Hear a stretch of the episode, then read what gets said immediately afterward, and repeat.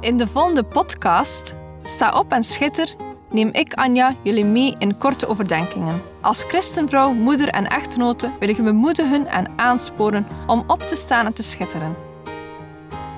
We zijn niet gemaakt om in Gods koninkrijk stil te zitten en niets te doen, maar om op te staan en dienstbaar te zijn. In de eerste plaats tien over God, daarna tien over ons gezin, onze partner of onze geloofsgenoten.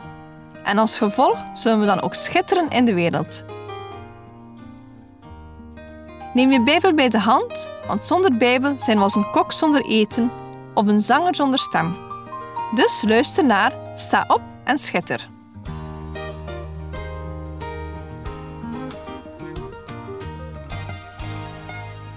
Vandaag zijn we aangekomen in uitzending 50. Ik werd bepaald op het feit dat ik 50 maal voor de keuze heb gestaan. Wat ga ik doorgeven aan mijn luisteraars? Keuzes die ik alleen heb kunnen maken door de Heilige Geest. Ik ben dankbaar dat ik kan terugkijken naar 49 uitzendingen waarvan ik geen spijt heb. Het is zo mooi om nu achterom te kijken en te zien wat God in mijn leven gedaan heeft. Zijn we ons er ten volle van bewust dat elke keuze die we maken een invloed heeft op ons leven en toekomst? De ene keuze zal al een groter impact hebben dan de andere. Veel keuzes zijn gelukkig niet voor het leven en kunnen nog hersteld of veranderd worden. Wist je dat we elke dag duizenden keuzes maken?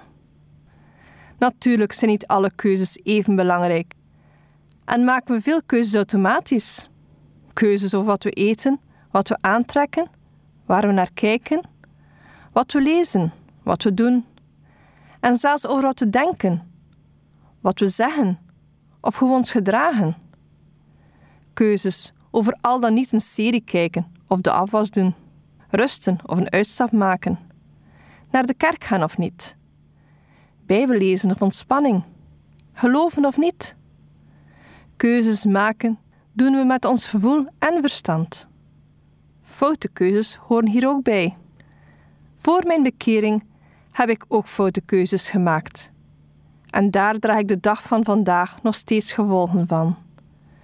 Gelukkig weet ik dat die mij vergeven zijn en dat ik alleen moet leven met de gevolgen. De dag van vandaag groeit het aantal keuzes die we moeten maken met de dag. Ik dacht eraan toen ik mijn boodschappen deed. De rekken liggen vol. Neem nu confituur. 13 merken om uit te kiezen. Bio of niet. En dan nog al die smaken. Aardbeien, kersen, pruimen, ananas, rabarber, abrikozen. Ja, dus boven die 13 merken heb je ook nog meer dan 13 soorten om uit te kiezen. Grof gerekend hebben we een keuze van 169 in totaal voor één pot confituur die we willen kopen. Het is echt logisch dat mensen stress krijgen bij het winkelen. Meer en meer hoor je van keuzestress. En dat kan ik goed begrijpen. Onlangs zagen we een keuzedobbelsteen in de winkel liggen. De uitleg gaat als volgt. Voorkom stress met het maken van enkele van de moeilijkste keuzes in je leven. Met het rollen van deze dobbelsteen hoef je nooit meer zelf een beslissing te nemen. Mijn echtgenoot maakte een grapje om hem te kopen voor mij. Ik heb wel eens last van keuzestress. We hebben het aankopen van die dobbelsteen niet gedaan, want dit zou niet de juiste oplossing zijn.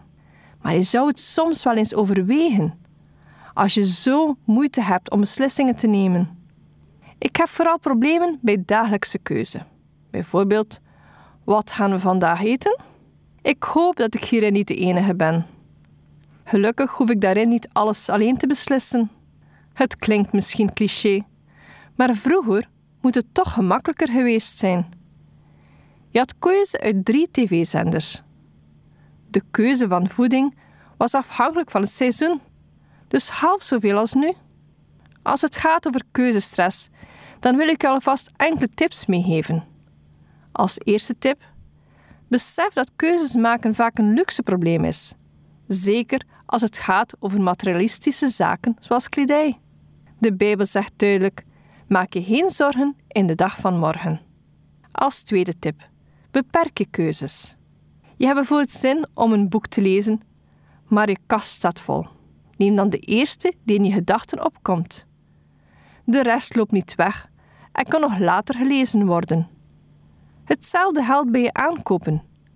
Ga niet eindeloos zitten surfen op het internet, want je zal door het bos de bomen niet meer zien. Minder keuzes betekent minder stress.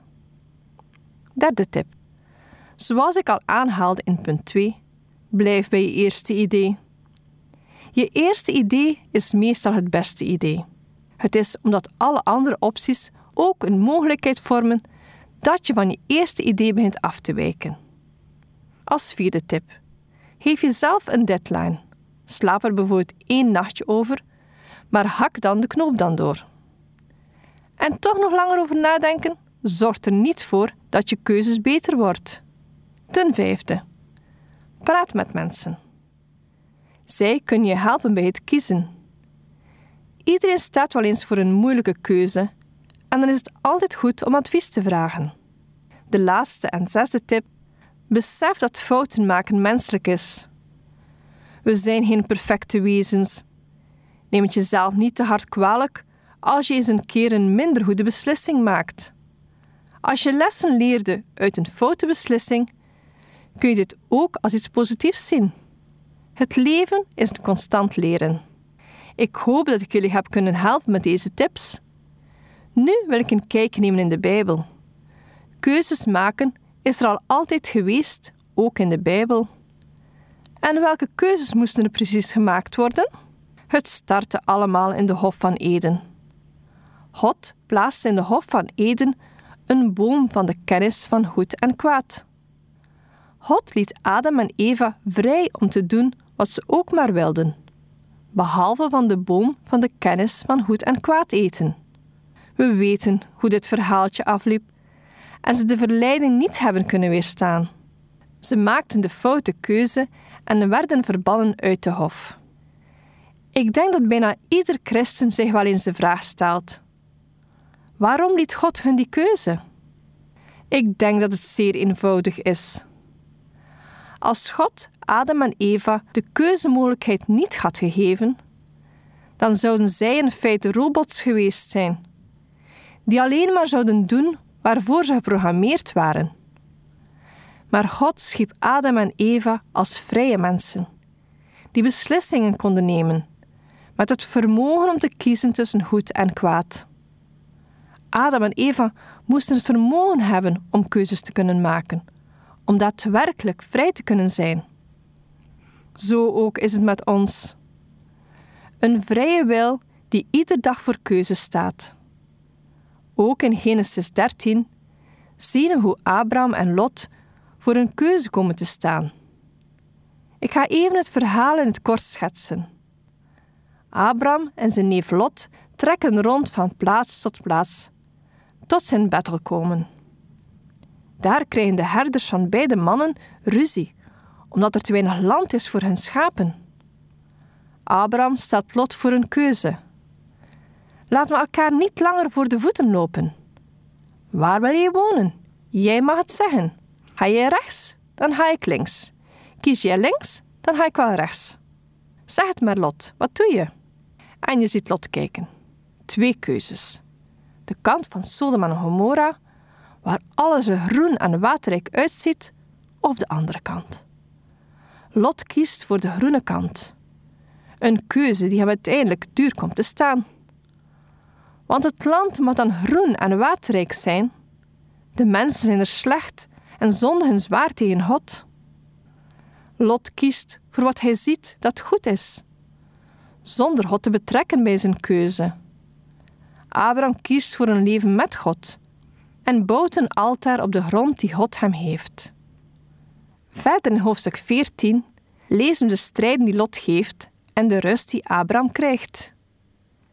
Twee personen die keuzes maakten met grote gevolgen. Zoals ik al zei, ook wij staan iedere dag voor keuzes die we moeten maken. De allerbelangrijkste keuze is God te volgen en Jezus aan te nemen als je verlosser. En als we heel eerlijk zijn, die keuze haalt niet alleen op het moment van je bekering, maar iedere dag kies je ervoor om te leven met of zonder God. Voor het maken van de juiste keuzes is het zeer belangrijk om een relatie te hebben met God. Dat wil zeggen Bijbel lezen, bidden en je actief aansluiten bij een kerk. Wanneer we een goede relatie hebben met God, dan zullen we leiding van de Heilige Geest krijgen en zullen we beter onze keuzes maken.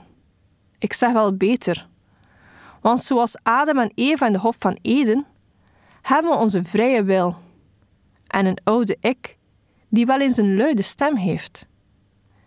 Iedere dag mogen we zelf beslissen om in Jezus zijn voetsporen te wandelen en zijn geboden te volgen of te kiezen voor de zonde in ons leven. Zoals de keuze van de confituur is gegroeid, zijn ook de verleidingen in de wereld gegroeid. We zien in de kerk dat bijbelstudies, bidstonden, jeugdavonden en kerkbezoek vaak niet meer als prioriteit in de agenda staan. Andere keuzes worden genomen. Onze Hemelse Vader nam de keuze om zijn zoon Jezus te laten sterven voor onze zonden. Dit moet een moeilijke keuze geweest zijn. Een keuze die ons in staat stelt om vrijgekocht door het leven te gaan en uit te zien naar een eeuwigheid.